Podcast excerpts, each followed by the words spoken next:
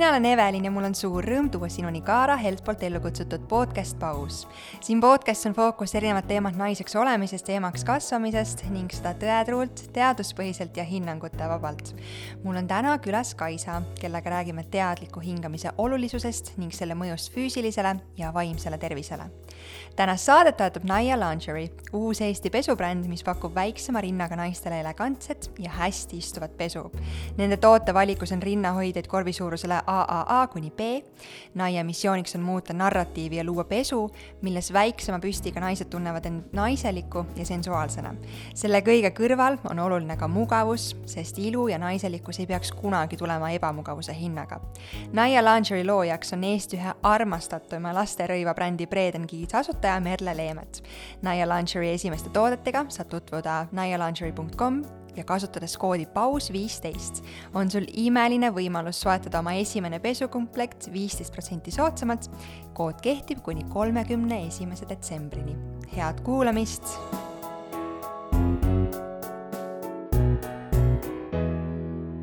tšau, Kaisa. tšau, Evelin. sa oled äh, füsioterapeut Kaaras juhendad sa joogatunde ja emade treeninguid. ja ühtlasi sa oled ise ema. Aga täna on mul sinuga üks väga põnev vestlusteema äh, tulekul. ja mul on tunne, et see on teema, mis äh, sellises igapäevases kiires elutempos ja muu elu ja melu keskel mm, tundub või on selline hästi automaatne tegevus, äh, mis kogu aeg toimub meiega, mida me teeme, aga millele me üldjuhul paljud meist äh, väga konkreetselt tähelepanu ei pööra. Me räägime väga palju liikumisest, äh, kehalisest aktiivsusest, äh, toitumisest, vee joomisest, kvaliteetsest unest, aga sinna kõrvale on vähemasti vist sama oluline, kui mitte olulisem, hingamine. just nii. miks, kas sa oled selle, kas sa oled selles osas minuga nõus, et, et hingamine kui tegevus Äh, on hästi, toimub meie kehas nii automaatselt, et me tihti ei mõtle sellele, aga tegelikult sellele teadlikult tähelepanu pöörates me võiksime oma heaolu ja elukvaliteeti ja tervist ja lihtsalt üldist kuidagi heaolu parandada. Äh, just, et äh, nagu sa ütlesid alguses, et see on automaatne tegevus, mis on äh, väga suur pluss, sellepärast et kui me peaksime iga hingetõmbe peale mõtlema ja sellele kogu aeg tähelepanu pöörama, siis, äh, siis ei jääks meil ilmselt millegi muu peale fookust ja, ja jah, et selles mõttes on super hea, et see on selline tegevus, mis meiega käib siis kaasas sünnist kuni meie elude lõpuni. ja, ja ma ütleks, et, et me ei peagi selle peale nii-öelda igapäevaselt mõtlema, küll aga on võib-olla mingid olukorrad, kus me võiksime selle peale rohkem mõelda ja sellel on väga palju kasutegureid, kui seda teadlikult teha, näiteks mingitel kindlatel eesmärkidel, kas see on siis ma ei teaks, näiteks rahunemine, äh, vahepeal treeningu ajal, mõni, mõnedes olukordades taastumise puhul, et, et jah, vahel teadlikult mõelda, aga igapäevaselt äh, väga hea, et ei pea seda tegema. Millal sina hakkasid hingamisele äh, tähelepanu pöörama? Äh, teadlikult oli see kindlasti minu esimeses joogatunnis ja see oli, ma arvan, kui ma olin umbes kahekümne kahe aastane, ehk siis juba on omajagu sellest äh, möödas, aga tõepoolest äh, ma mäletan hästi seda, et see oli esimene tollel ajal siis see oli minu jaoks hästi nagu treening, sest ma läksin sinna sellise eesmärgiga, et et ma arvasin, et ma ei saa nii-öelda, oli periood, kus ma ei saanud äh, väga intensiivseid asju teha ja siis ma mõtlesin, et ma lähen siis proovin selle, selle treeninguga ära. Ja see oli siis esimene kord, kus äh, ma vaatasin, et okei okay,, et hinga sisse, liigu nii, hinga välja, liigu teisiti. Ja see oli nii harjumatu, nii võõras ja ma üldse ei ütle, et see esimene kord mulle väga meeldis, aga, aga, aga samas oli seal midagi sellist, mis mind ikkagi paelus ja siis ma kuidagi selle jooga juurde üldse jõudsin, et see oli minu jaoks kindlasti selle esimene nii-öelda teadlikum kokkupuutepunkt. Ma usun, et sa oled äh, sellise, ma ei tea, kas ma saan öelda hingamise füsioloogiaga või sellega, selle nagu kehalise tegevusega kokku puutunud, ma ei tea, oma õpingute jooksul äh, füsioterapeudina, treeningutes, joogajuhendajana ja nii edasi, aga kui me võtame täiesti tavapärase inimese, kes äh, elab oma elu parimat elu, kes täna võib-olla liiga palju oma hingamisele ei mõtle, siis äh, sa tõid välja need olukorrad, et äh, rahunemiseks või, või treeningu ajal või taastumiseks, aga mis need põhjused on, miks me peaksime äh, hingamisele suuremat tähelepanu pöörama mm? -hmm no üks, üks suur asi, mis ma arvaks, et võib-olla tänases sellises hästi kiires, kiire tempoga ühiskonnas ongi see, et see on üks lihtsamaid viise, kuidas siis nii-öelda enda närvisüsteemi või enda sellist meelt natuke maha rahustada, et just sügavamate, teadlikumate hingamistega me aktiveerime parasümpaatilist närvisüsteemi, mis on siis nii-öelda see, kui, kui sümpaatiline pool on see nagu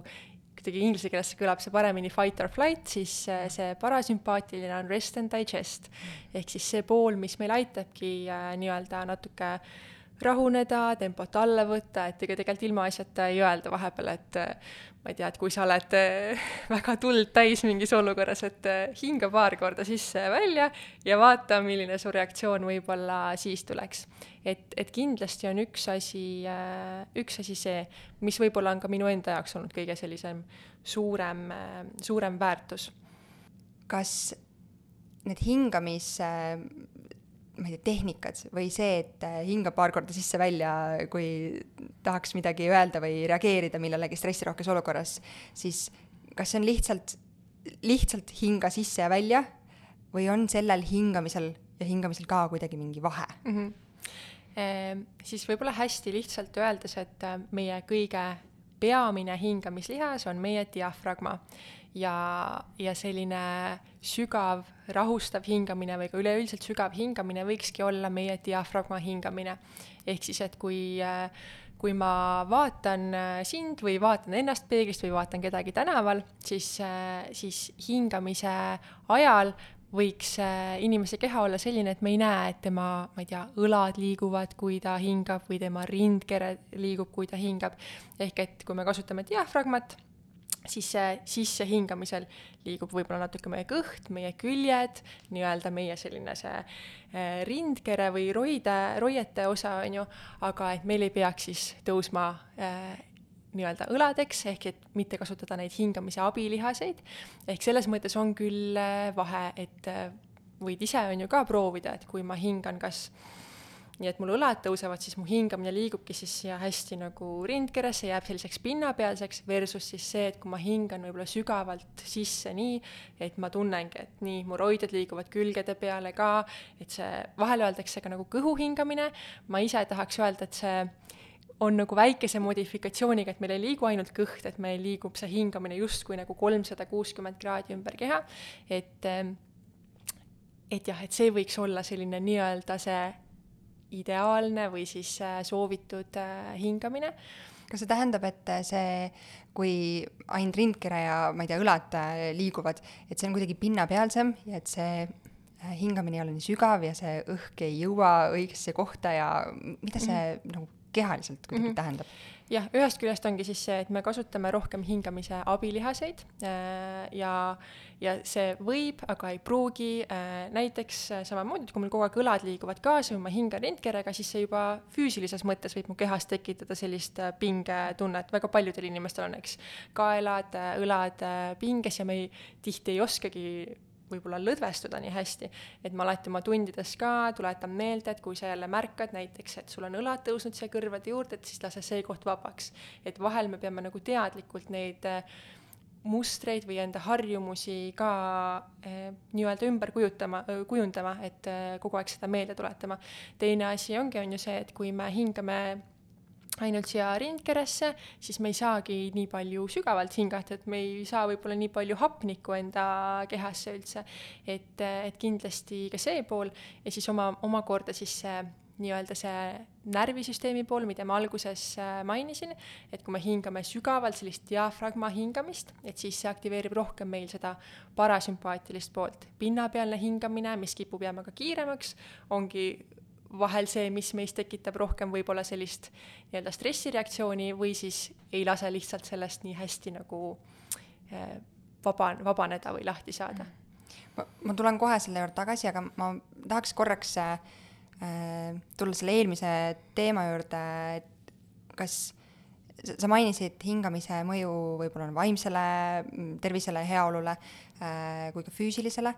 võid sa konkreetsemalt mingeid näiteid tuua, mida see siis päriselt meile kuidagi paremaks või lihtsamaks või mõnusamaks võib muuta mm? -hmm. no füüsilise, füüsilise poole pealt kindlasti üks suur sihtgrupp, kes saab väga palju kasu hingamisharjutustest, on, on näiteks sünnitusjärgselt naised sest hingamisharjutused koos vaagnapõhjalihaste harjutustega on ju ühed äh, esimesed äh, asjad, mida tegema hakatakse, mida võib tegema hakata väga varakult. Ja kui, äh, kui ongi pärast, on ju lapse sündi, näiteks see kehatüvelihaste koordinatsioon nii-öelda natuke häirunud või, või vajab nii-öelda taas, taas meeldetuletamist või uuesti õppimist, siis just koos hingamisega on see hästi-hästi palju lihtsam, sellepärast et koos just väljahingamisega näiteks saame me enda kehatüve rohkem jälle hakata aktiveerima, et, et kindlasti paljud on seda ka võib-olla noh, nii-öelda igapäevaelus või treeningutes või kuskil märganud, et kui me hakkame näiteks kas midagi tõstma, midagi rasket või või lihtsalt tõstma, et alati mitte midagi rasket, on ju, et siis uh, me tegelikult tahame nii-öelda oma keha, äh, tüve või kerelihaseid aktiveerida ja see tihti on lihtsam ikkagi läbi väljahingamise. mis pidi siis käib, kas äh, selle intensiivsema mingi tegevusega peab hingama sisse, et justkui kehal tuleks hapnikku juurde või vastupidi, välja mm,? Ma ütleksin. või on siin üldse mingi paralleel, saab tõmmata või see sõltub mm -hmm. täiesti konkreetselt? jah, et ähm, pigem just nii, et äh, kui me teeme midagi äh, tugevamat pingutust, siis äh, ma ütleks, et üldisemalt võib öelda, et pingutuse ajal võib hingata välja, sest me ait-, aitame sellega aktiveerida kirelihaseid. ma ütlen siin äh, ära, et, et sellel kindlasti on erinevaid variatsioone ja, ja võib-olla, kes teevad äh, suuremate raskustega treeninguid või tegelevad äh, tippspordiga, mille iganes, et siis äh, kindlasti neid hingamise puhul on ka variatsioone. ja teine asi, mis võib-olla on oluline nagu öelda, on see, et äh, ma korraks mainisin seda kehatüve aktiveerimist ja äh, seda koos väljahingamisega, aga siis on ka oluline lõpuks see, et kui meil siis kehatüvi nii-öelda või kerelihased on nii-öelda aktiivsed, et me siis seal ei hoia hinge kinni, et me ikkagi suudame seda normaalset hingamist säilitada ka erinevate tegevuste ajal, et kunagi kunagi ei ole eesmärgiks see, et nüüd nüüd aktiveerin ennast, hingasin välja ja mis nüüd edasi. et lõpuks on ikkagi see, et me ju, me ju peame nii-öelda edasi ka seal hingama, aga jah, et alguses ma ütleks, et on lihtsam õppida nii, et okei okay,, pingutad, hingad välja, sest sa tunnetad rohkem seda äh, kehatüve. kas mul on vale arusaam või nagu loomupäraselt äh, tundub teistpidi, vastupidi siis kuidagi lihtsam või tavapärasem, sest äh, ma lihtsalt äh, meenut-, nüüd ma olen ennast väga äh, konkreetselt õpetanud äh, seda tegema mm, -hmm. aga ma mäletan esimestes äh, joogatundides, kui ma last ootasin mm, -hmm. äh, siis äh, ja juhendaja suunas siis harjutusi vastavalt äh, liikumise mm -hmm. või liikumisi vastavalt äh, hingamisele tegema, siis mulle tundus kuidagi, et oota, me oleme vastupidi, et ma ju peaks praegu sisse hingama ja siis välja või et äh, aga võib-olla see on ainult minu mingisugune kiiks, et ma tahaks tagur, et ma tahtsin väga tagurpidi teha mm. -hmm. Um, ma ütleks ka võib-olla seda, et näiteks joogas on ju me ju tegelikult, äh, joogas me ei kasuta raskuseid, et joogas on hästi palju seda fookust, et me enamikes jooga, joogatundides siis äh, nii-öelda hingatakse üheskoos liikumisega. et ühest küljest see on juba see on juba väga-väga suur pluss inimestele ähm, kes võib-olla üldse hakkavad teadlikuks saama enda hingamisest. et ma mõtlen, oo, ma hingangi üldse sügavamalt, ma hingangi pikemalt, ma nii-öelda eh, justkui õpin kehas ka seda koordinatsiooni, et hingamine ja liikumine käivad koos. et ja kuna meil joogas ei ole seda tegelikult äh, on, on pingutust, aga et seal ei ole enamasti meil sellist siis nagu võib-olla sellist raskuse mingit tõstmist, on ju, nagu on, kui sa lähed, eks ju, jõusaali või kuskile treeningusse, et siis äh, jah, et võib-olla, võib-olla mõni asend või mõni liikumine tundubki selline korraks, et okei okay,, et et ma justkui võib-olla tahaksin teistpidi teha, et aga, aga ma arvan, et, et seal ei ole sellel nagu nii suurt äh, ähm,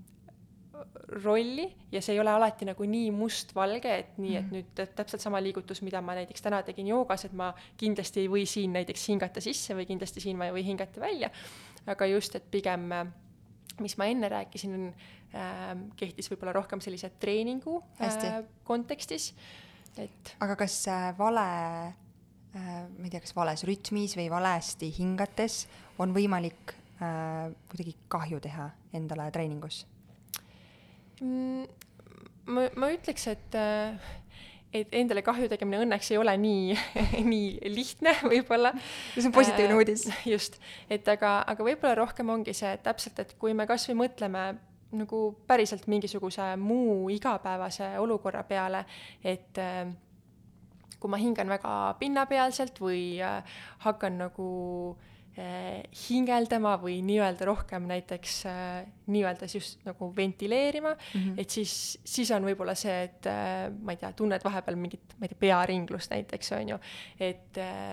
ja noh, teine asi on siis see, on ju, et ilmselt me seda nii kergekäeliselt ei tee, et aga nagu vahepeal näiteks pikad hinge kinnihoidmised, on ju, ei, ei mõju ilmselt hästi. mida ma pigem nagu ütleksin vahepeal, on see, et mis ma ise olen täheldanud ja mäletan ka enda kuidagi nooruspõlvest, äh, mis võib-olla naistel on see, et äh, sageli kuskilt on meil jäänud see tunne, et hoia kõhtu natukene sees. et äh, ja see on siis võib-olla see pool, mille kohta ma ütleks, et kui, kui ma tunnen, et ma tegelikult tõmban kogu aeg kõhtu sisse, siis, siis ma ei saa oma diafragmal lasta niimoodi liikuda, nagu, nagu ta võiks ja nagu ma tahaks Äh, et, siis see on ka see, mis soodustab meil seda, ütleme, rohkem sellist äh, rindkere hingamist või rohkem pinnapealset hingamist. et, ähm, et jah, see on võib-olla selline soovitus, mis ma ütleks, et äh, ei ole omal kohal aga võid sa praktiliselt, sa tõid korduvalt välja seda kerelihaste aktiveerimist mm. -hmm. Mul on kuidagi, ma ei tea ähm,, meeles lihtsalt see, et sa rullid oma niiviisi nagu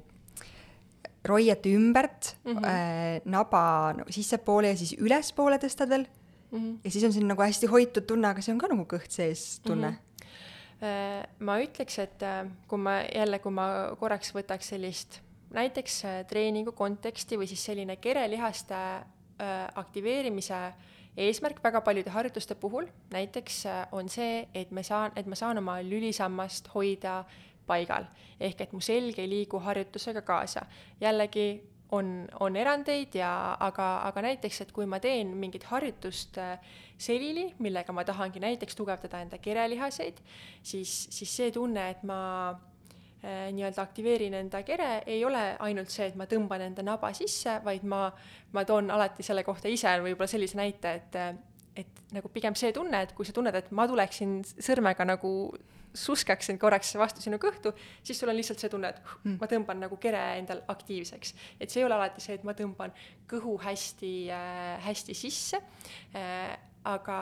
äh, aga just pigem see, et ma tunnengi, et okei okay,, ma olen nüüd näiteks selili, teen mingit harjutust, ma ei tea, oletame jalgade mingit sirutust maa suunas, aga et mu kere on nii aktiivne, et ma tunnen, et mu selg ei liigu selle harjutusega kaasa. ehk et kui ma ei suuda seda kere seal paigal hoida, siis võib-olla ma võiksin sa-, astuda harjutusega sammukese tagasi. et see, mis sa enne mainisid, äh, küll see joogas äh, nii-öelda see naba sissetõmbamine ja mm. ülestõmbamine, et, äh, et, et joogas ongi mõned nii-öelda harjutused või mõned sellised äh,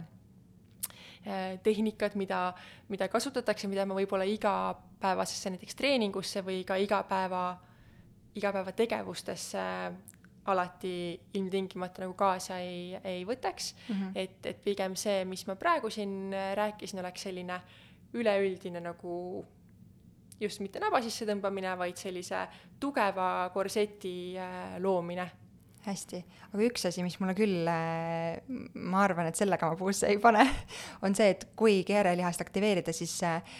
mis tahes äh, lihasgrupile sa treeningut või mingit harjutust teed, et siis sa teedki selle lihasega tööd, mitte sa ei saa nagu, või noh, üldjuhul, et sa ei saa nii-öelda viilida muu tegevuse või muude lihasgruppide arvelt. et kuidagi selle kerelihaste aktiveerimisega äh, on lihtsam suunata fookust ainult sellele, mida sa parasjagu treenid või panen puusse või? ei, ei, ei pane, ei pane. Ei pane, ei pane üldse puusse, ma lihtsalt äh, korraks mõtlesin, et äh, jaa, muidugi, et kui sa, kui sa tunnedki, et äh, ma suudan hästi ennast siit aktiveerida, ma suudan siin ka samal ajal mõnusalt hingata, siis jaa, ongi lihtsam mul nii-öelda ähm, keskenduda siis ka sellele harjutusele võib-olla, mis ma, mis ma tahan teha, on ju, ja kui ma tunnen, et ma siis teen noh, ma ei tea, ma toon lihtsa näite, teen, teen mingit seistes, ma ei tea, biitsepsile mm -hmm. harjutusi on ju suure raskusega ja kui ma seal tunnengi, et okei okay,, et aga mul selg hakkab äh, igas suunas kaasa liikuma, et siis, siis võib-olla ongi see märk, et nii, okei okay,, võta väiksem raskus, on ju. ma lihtsalt olen seda ise tundnud, et äh, kui ma võib-olla kerelihased teadlikult, teadlikult ei aktiveeri, siis ma võtan loomupäraselt nagu suurema raskuse ja saan sellega tehtud mm, -hmm. versus kui ma aktiveerin, siis ma tahaks nagu kaks kilo väiksema hantli võtta ja siis ma tunnen ka, et on raske. et see lihtsalt endale selline hea meeldetuletus vahepeal mm -hmm. äh, trenni tehes. aga tulles tagasi hingamisviiside juurde, siis äh, Eh, sa rääkisid sellest, ehm, et, et kõht peaks pigem liikuma, mitte meie õlad ja rindkere mm, -hmm. aga kui suur tähtsus on hingamise pikkusel, äh, ma ei tea, sellel, kui kaua me sisse ja välja mm -hmm. hingame Äh, noh, jällegi see on selline asi, mille peale me igapäevaselt, on ju, oma tavalistes tegevustes otseselt mõtlema ei peaks, kui meil ei ole siis äh, selleks nii-öelda mingit põhjust või kui tõesti me ei, ei tunnegi, et okei okay,, et näed, et mul ongi see hingamine hästi pinnapealne, aga ehk siis tavaolekus see väljahingamine on meil täiesti nagu passiivne, juhtub väga automaatselt, eks, aga et kui me näiteks äh, võtamegi selle eesmärgiks, et meie fookus on äh, nii-öelda rahustada meelt või näiteks kas või valmistada ette ennast õhtul nii, ma nüüd tulin töölt koju, ma tahan äh, korraks äh, täitsa nagu maha rahuneda, et siis äh, hea selline lihtne nipp on hoida enda väljahingamist pikemana, kui on sissehingamine. näiteks loed ise mõttes neljani, hingad välja võib-olla kuuega, võib-olla seitsmega, võib-olla kaheksaga. et, et ma ei, tavaliselt ei, ei tahaks nagu anda alati ette, et nüüd sa pead hingama neljaga sisse ja kaheksaga välja, sellepärast et, et mõne jaoks on see nii-öelda väljahingamine ja kaheksani lugemine, see tundub üüratult pikk aeg mm., sest hingamine on samamoodi treenitav nii-öelda või selle nagu para-, arendatav, nii nagu me võib-olla treenime füüsilist keha, on ju. kas see tähendab, et või kas meie tavapärane see, see hingamine, mis me teeme, kui me ei mõtle sellele, peaks olema ka justkui selliselt, et väljahingamine on pikem kui sissehingamine? tavapäraselt ongi ka väljahingamine pisut, pisut pikem. on või? Äh, natuke on. ma lihtsalt hakkasin, see on ilmselt see muidugi, et kui ma hakkan ennast äh, kõrvalt vaatama ja kontrollima, siis äh, juba mu kehas midagi muutub mm, -hmm. aga mul on tunne, et mul ei ole nii. et see pole äh, küll ma ei tahaks valetada, aga see ei ole küll poole pikem, aga tavaliselt natukene on väljahingamine enamasti ongi pisut, pisut pikem võib-olla kui sissehingamine. kuidas üldse seda teadlikkust äh, hingamise osas endale, hingamise osas endale tuua. kas see on lihtsalt, et järgmine kord lähen trenni ja siis mõtlen, et aktiveerin äh, kerelihased ja, ja hakkan teadlikult harjutuste ajal sisse-välja hingama siis vastavalt mm, tegevusele või kuulan äh, treenerit, kuulan, ma ei tea, joogajuhendajat, keda iganes, või või see, et kui katus hakkab pea kohalt lendama, siis mõtlen, et hingan kolm korda sisse ja välja, enne kui ma reageerin. kuidas nagu igapäevaellu sellist teadlikku hingamist äh, tuua? Ehm, üks, ma ütleks, kõige lihtsamaid viise ongi siis see on ju, et näiteks kui sa siis lähedki täpselt kuskile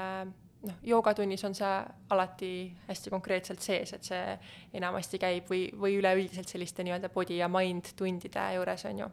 enamasti ikkagi ka muudes äh, treeningutes, tavaliselt äh, treener ikkagi juhendab mingite asjade puhul, aga, aga noh, et ongi, et et on ju, et igas trennis ei ole see, et sa iga liigutusega pead alati igat hingamist jälgima, on ju, et eriti kui me veel mõtleme selle peale, et kui sa, ma ei tea, keegi läheb korvpalli mängima, siis tal on mõtted absoluutselt kuskil mujal kui hingamise peal, on ju, et see kindlasti selles mõttes igasse tegevusse niimoodi ei, ei äh, kandu üle. Äh,, küll aga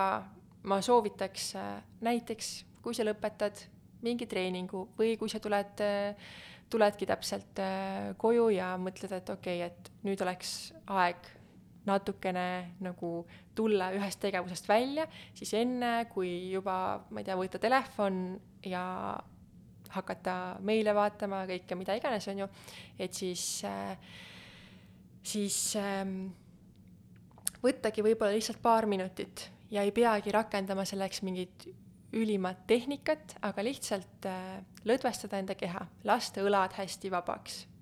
tulla rahuliku hingamise juurde, hingata nina kaudu sisse, nina kaudu välja, et, äh, et juba sellised hästi väikesed äh, asjad on need, mis toovad meile nagu teadlikkust ja märgatagi seda, et okei okay,, kui ma nüüd hingan, kas ma suudan oma õlad hoida lõdvestunud. et kui ma hingan, et mis kohad minu kehas näiteks liiguvad. ja siis võib-olla sealt teadlikult midagi, midagi muuta ja täna on ju ka tegelikult väga palju äh, erinevaid äppe, kus mm. saab teha äh, alates, ma ei tea, kahest minutist kuni kahekümne minutini erinevaid harjutusi, on ju, et alustada väikeste sammudega ja pigem, pigem olla siis järjepidev ja, ja siis võib-olla mõnikord tahad teha pikemalt, on ju. aga miks üldse või kuidas see hingamine äh, Äh, aitab kehal lõõgastuda või sellest ühest olukorrast välja tulla ja võib-olla teise see värskema pilguga minna. Mi-, mida see meie kehas muudab või teeb mm, -hmm. et äh, sest see loob väärtust ja see loob tohutult suure muutuse mm, -hmm. kui seda katsetada ja proovida mm. -hmm. nagu ma enne korraks mainisin ka, et pikemad väljahingamised ja see diafragma hingamine, kus me siis suunamegi sisse hingates diafragma nii-öelda liikuma allapoole, et see aktiveerib meie parasümpaatilist närvisüsteemi, et äh, meil on kehas selline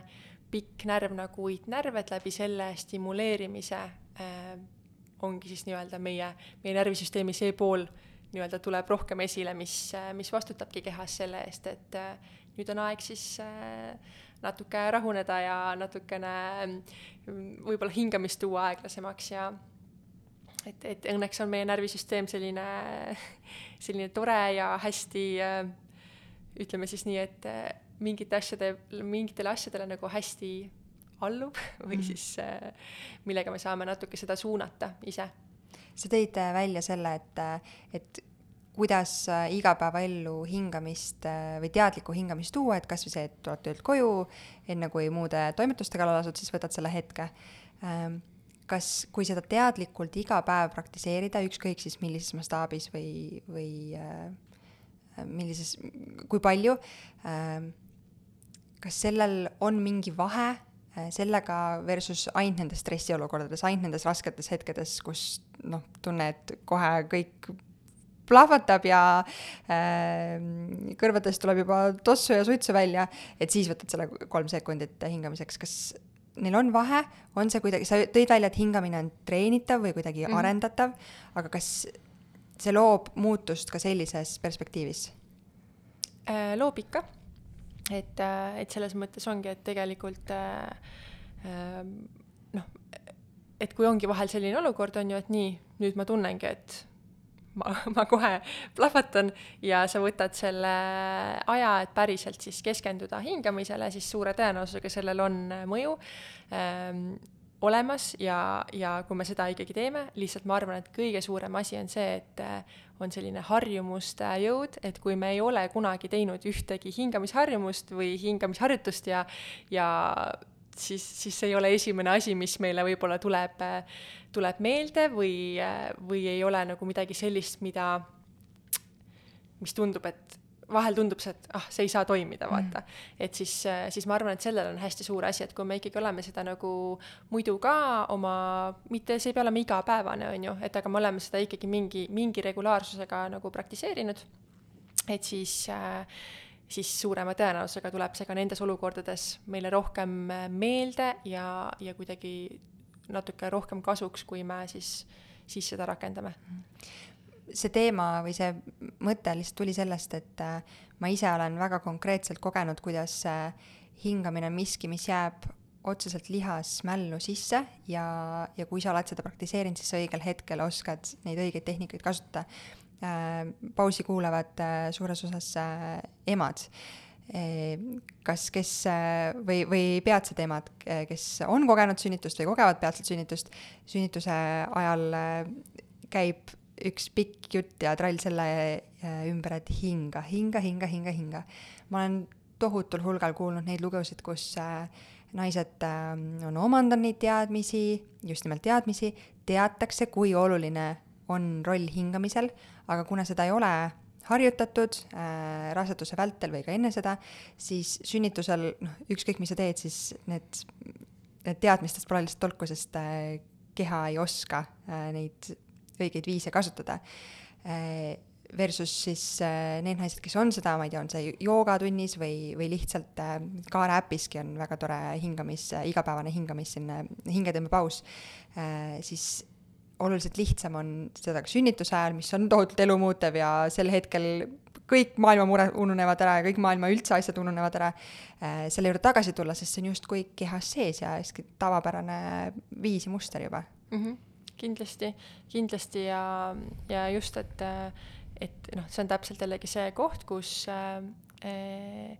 kus ongi hea endale meelde tuletada täpselt, et juba raseduse ajal on äh, väga hea ja mõistlik ja toetav, kui me eh, sellega tegeleme, kuigi raseduse ajal on meie, meie sees siis, meie sees siis üks, üks beebi või mitu beebit, kes niikuinii võtavad seda ruumi selles mõttes eh, sealt nii-öelda endale, et siis me ei saagi sellist sügavat eriti raseduse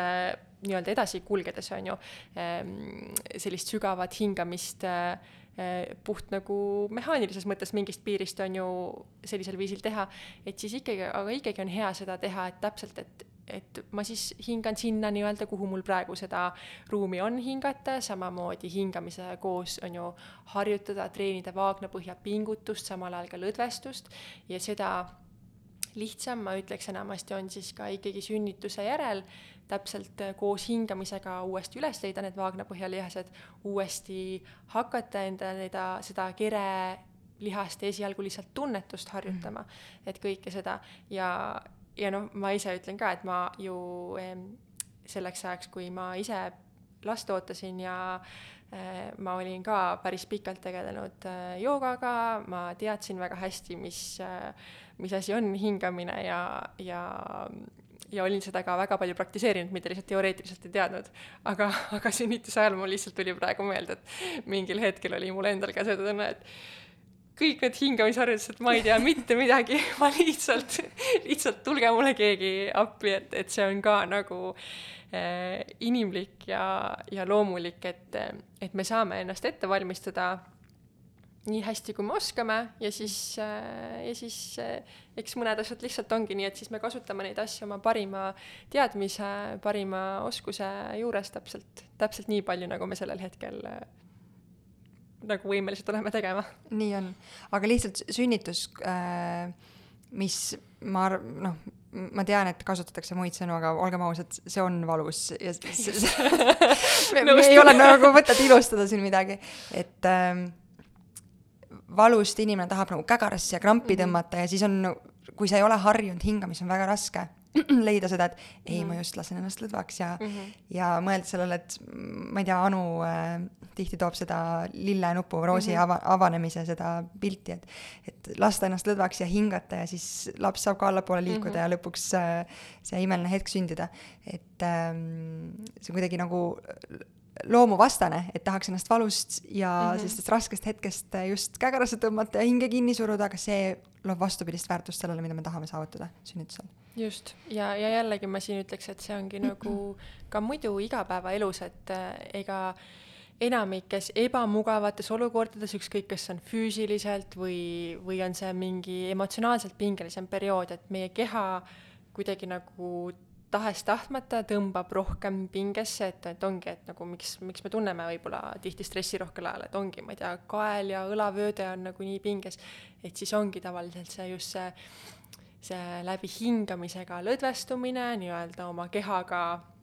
võib-olla rohkem kontakti saamine, et, et ongi, et see hingamine on selles mõttes nagu ma ütleks, nagu ma enne tõin välja, et on ju, et treeningus me jälgime seda võib-olla ühtemoodi, et tahamegi selle läbi väljahingamise rohkem nagu pingutada, kui meie eesmärgiks on täitsa lõdvestumine, ma ei tea, kodus või kus iganes see on, on ju, siis on jälle hingamine see, mis, mis aitab meil, ma vahepeal nagu ise armastan seda nagu niimoodi vaadata, et hingamine on nagu selline äh, hea selline vahepealne osa nii-öelda nagu näiteks meie füüsilise keha ja siis nii-öelda meie meele vahel, mis eesti keeles on selline väga lai mõiste, aga et täpselt, et hingamine on ühest küljest piisavalt selline äh, tuntav ja tunnetatav, ma saan aru, ma, ma, ma, ma ei tea, ma kuulen, kuidas ma hingan, ma tunnetan oma hingamise rütmi ja samas on ta selline piisavalt nagu peen, et see toimub automaatselt ja võib-olla nagu midagi, millele on ju me igapäevaselt nii palju tähelepanu ei pööra. et sellepärast ka ma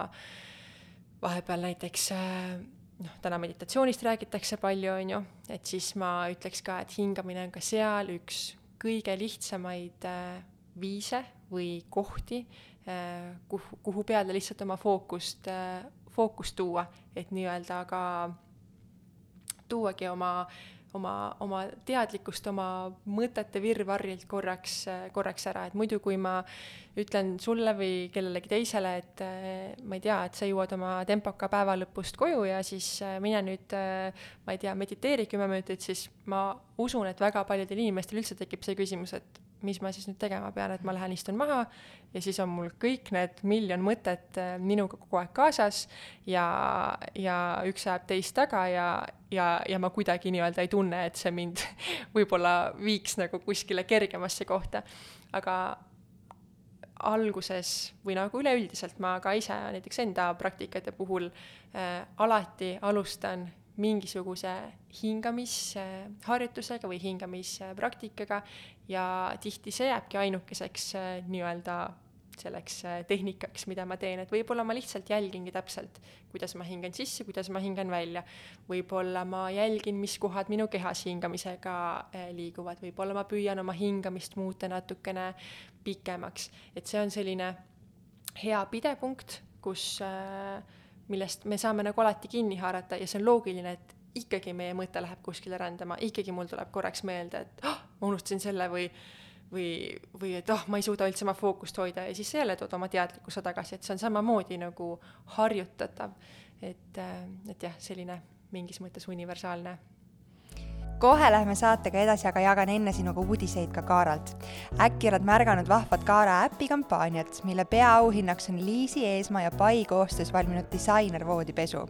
auhinna on välja pannud Kaubamaja ja veel vaid paar päeva saad kampaaniast osa võtta tutvu tingimustega Kaara kodulehel. Ja muidugi tuletan meelde, et meie soovitus jõulukingiks tulevasele emale on just Kaara kinkekaart, millega pääseb ligi lausa üle kolmekümnele imelisele teenusele. ma siiralt südamest väga-väga soovitan. aga nüüd tagasi saate juurde.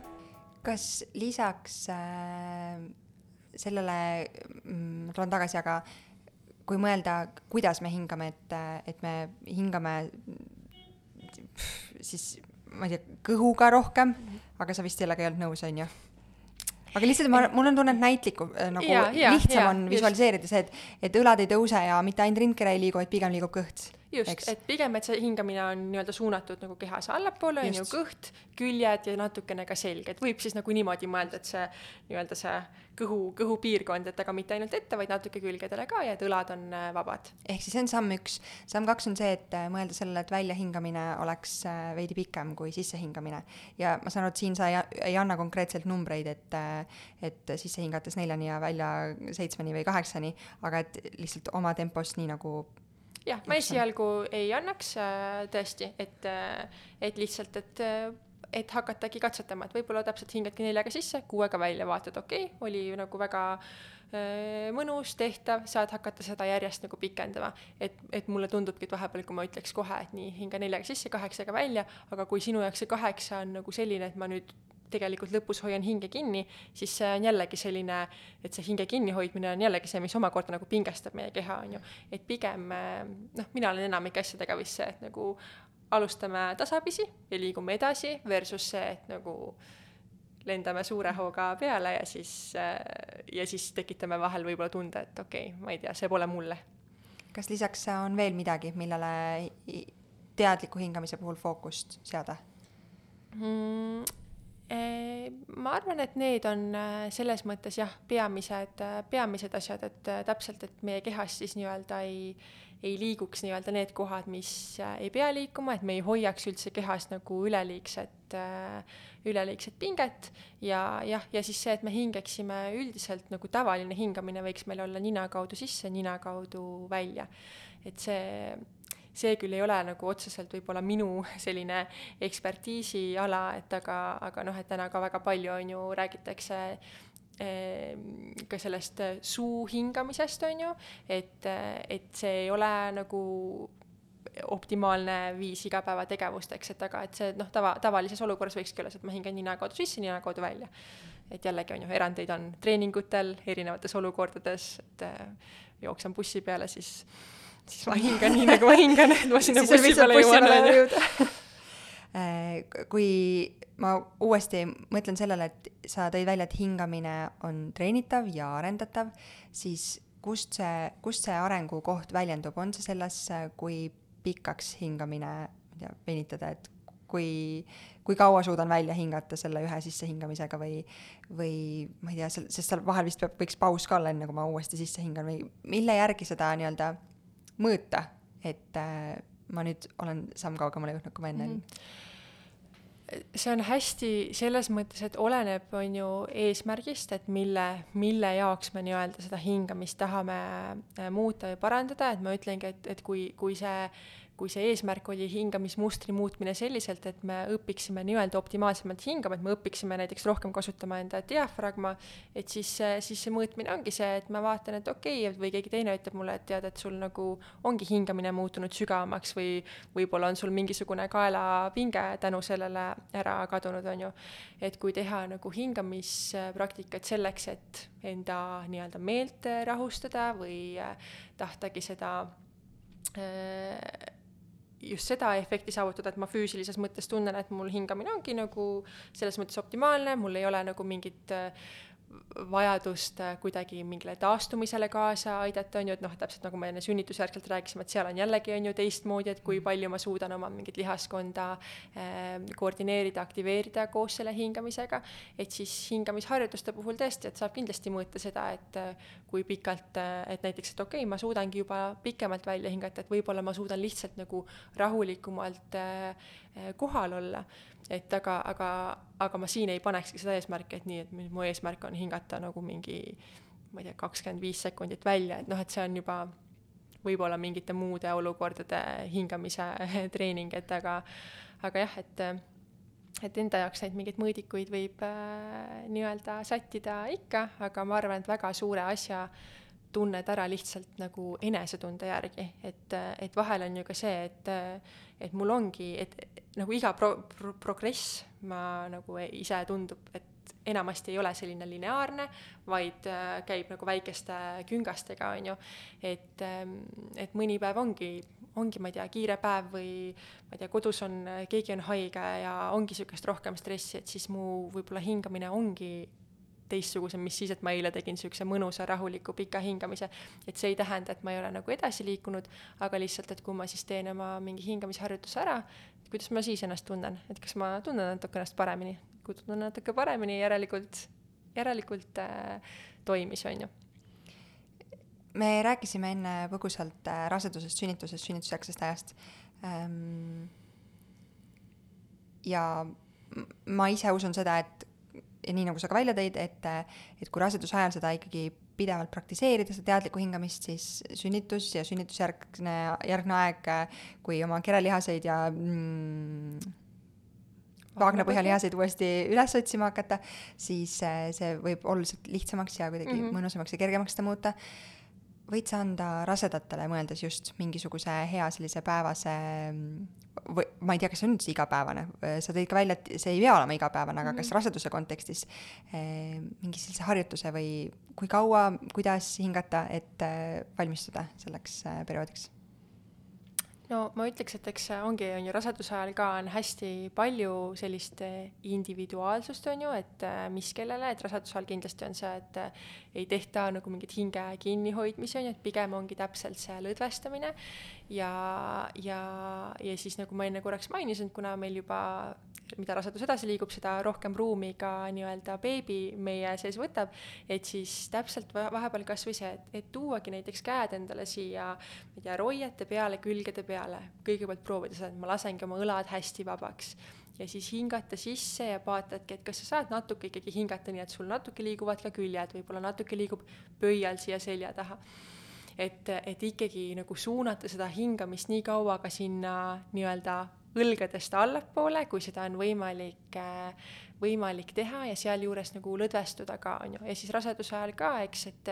et mis me saame palju juba teha, on ju, et koos selle hingamisega panna juurde ka vaagnapõhjalihaste töö, et see juba on tegelikult, ma ütleks, selline selline suur, suur asi, et ja võib-olla ongi, et näiteks, et raseduse ajal, et et see hingamise pikkus ka, et kui hingamisharjutusi tehes, et see, see ilmselt ongi tihti nagu lühem kui, kui siis muul ajal, on ju, et, et siis see pole see aeg, kus me peame nagu mingeid rekordeid proovima,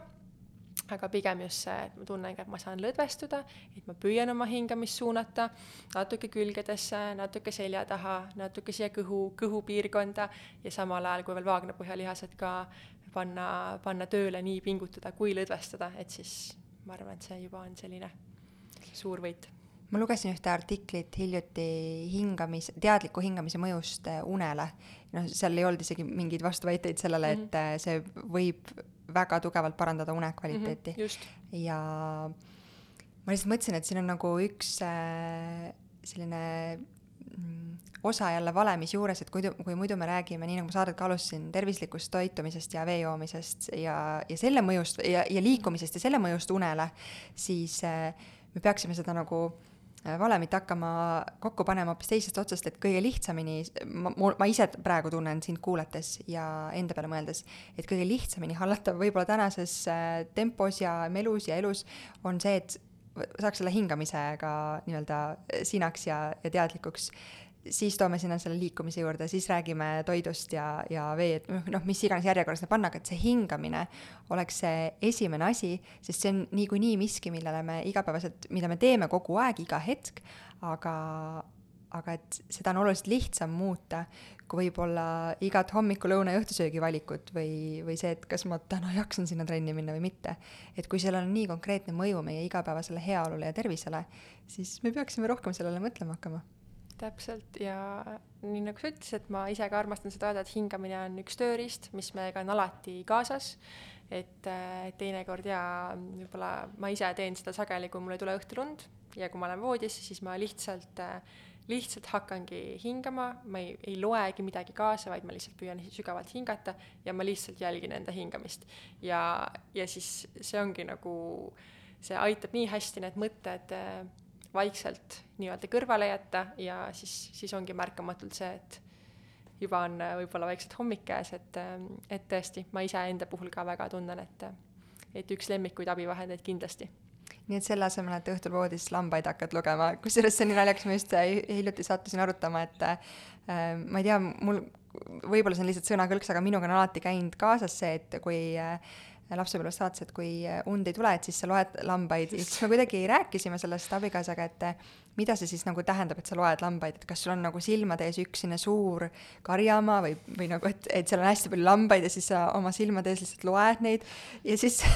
ta sai täiesti naerukrambid selle peale, äh, kuidas ma selgitasin, et ei, minul on äh, on suur karjamaa küll, aga seal vahel on aed. Ja ühel pool aeda on maja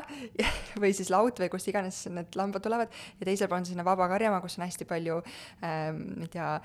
head värsket rohtu neile, mida nad tahavad sööma minna, siis nad järjest hüppavad üle aia niiviisi ja siis ma loengi üks, kaks ja nad kõik hüppavad sealt üle aia ja see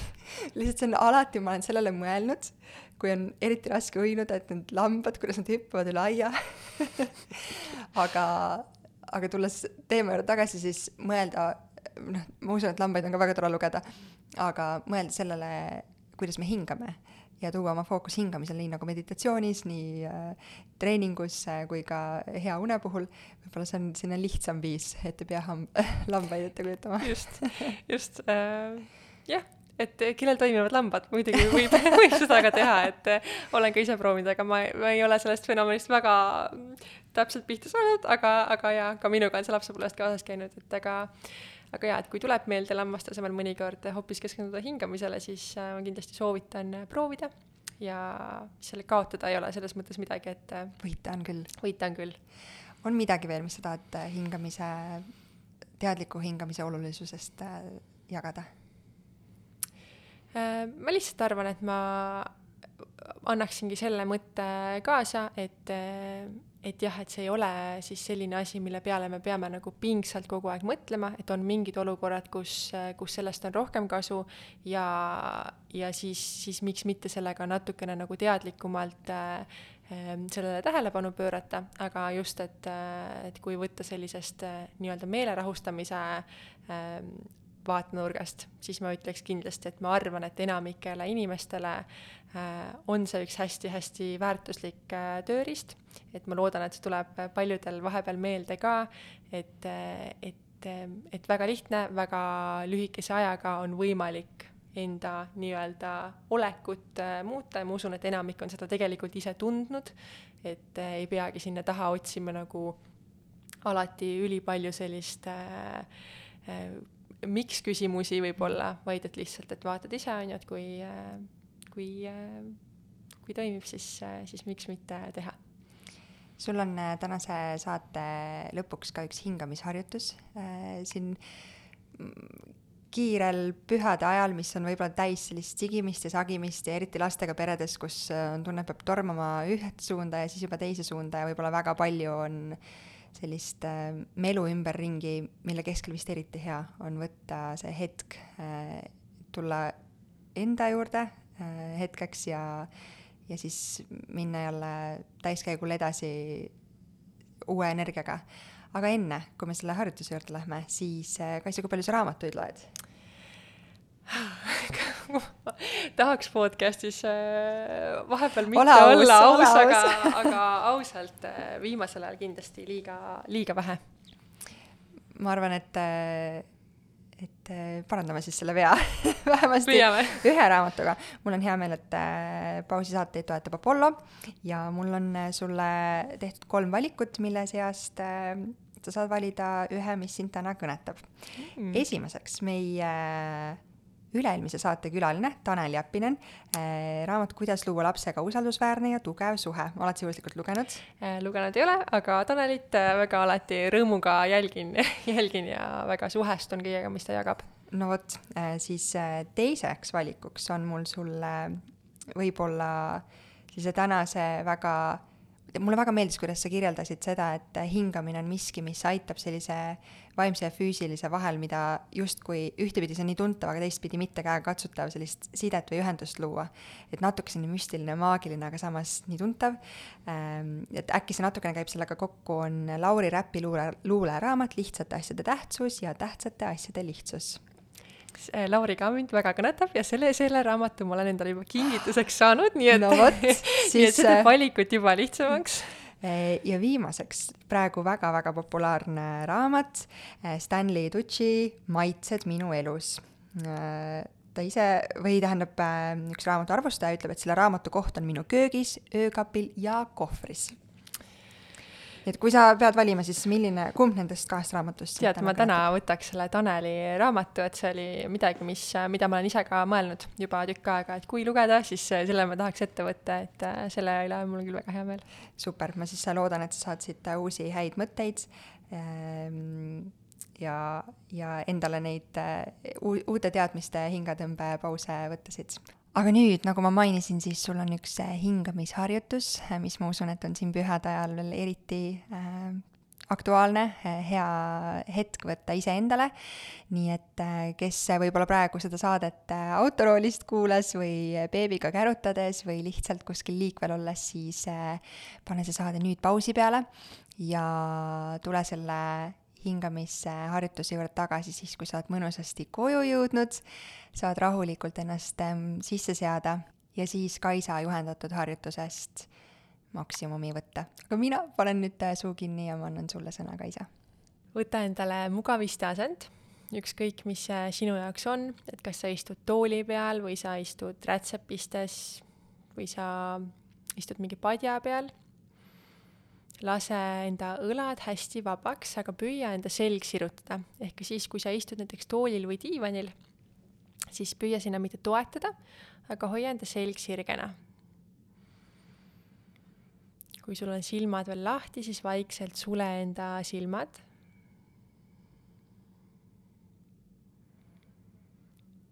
ja esialgu lihtsalt toogi teadlikkus oma hingamise peale lihtsalt märka, kuidas sa parasjagu hingad. võib-olla paned tähele, mis kohad sinu kehas liiguvad.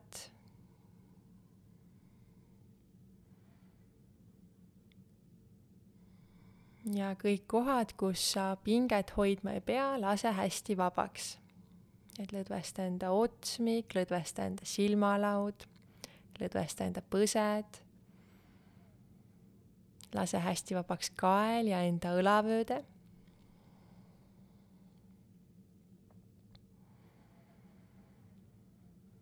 ja siis korraks toogi enda käed lihtsalt siia enda roiete peale, üks käsi ühele poole, teine käsi teisele poole. nii et su pöial jääb selja taha ja ülejäänud sõrmed vaatavad siia nii-öelda kere keskosa suunas. nüüd mõned korrad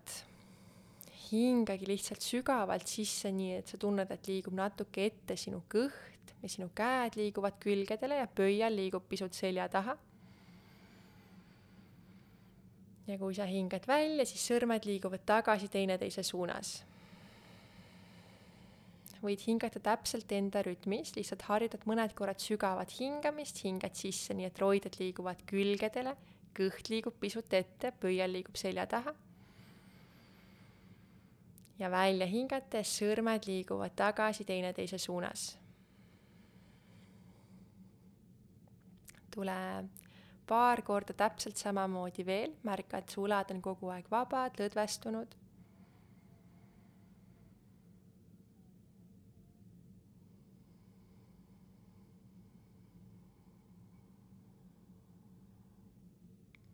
ja siis pärast enda järgmist väljahingamist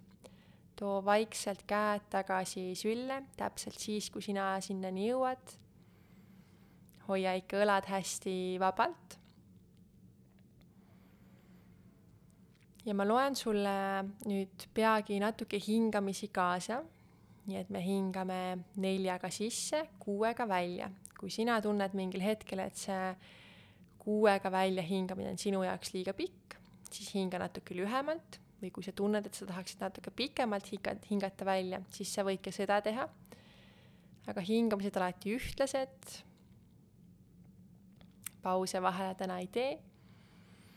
ja selleks, et alustada kõike ühest kohast, siis hinga korraks täielikult välja. ja alusta sisse hingamist neljaga, kaks, kolm,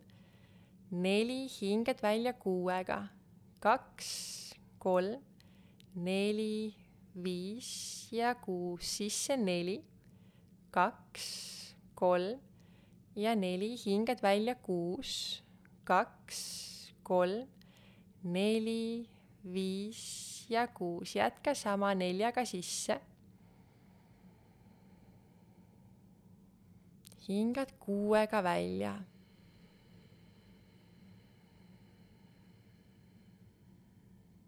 hingad neljaga sisse. ja hingad kuuega välja.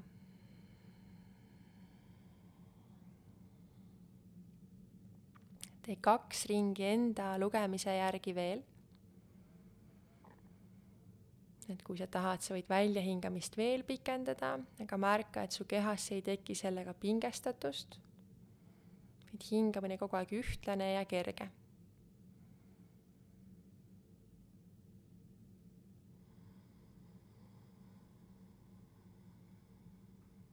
ja pärast enda teist väljahingamist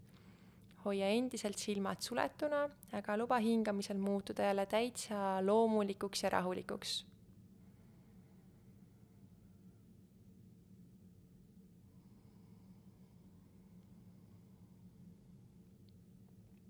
vii veel teadlikkus korraks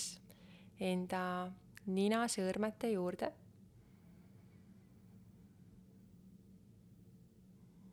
ja lihtsalt märka, kuidas su sisse ja välja hingamine liigub mööda ninasõõrmeid üles ja sealt tagasi alla.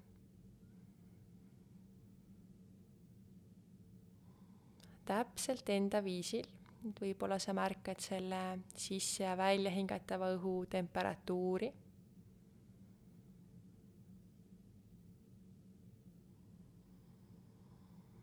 võib-olla kuidagi enda viisil märkad seda liikumist muul moel.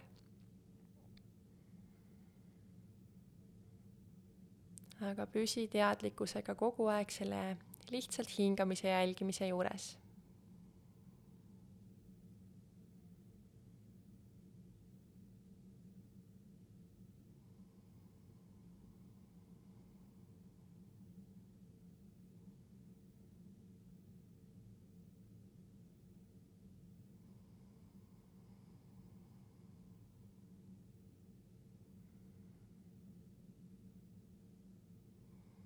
ja siis mõneks hetkeks lase kogu hingamisel liikuda täpselt nii loomulikult, kui see parasjagu liigub. ja siis korraks lihtsalt märka iseenda enesetunnet. kas see mõjutas sinu kehas midagi? Pole õiget või valet vastust, on sellise asja puhul alati sinu enda kogemus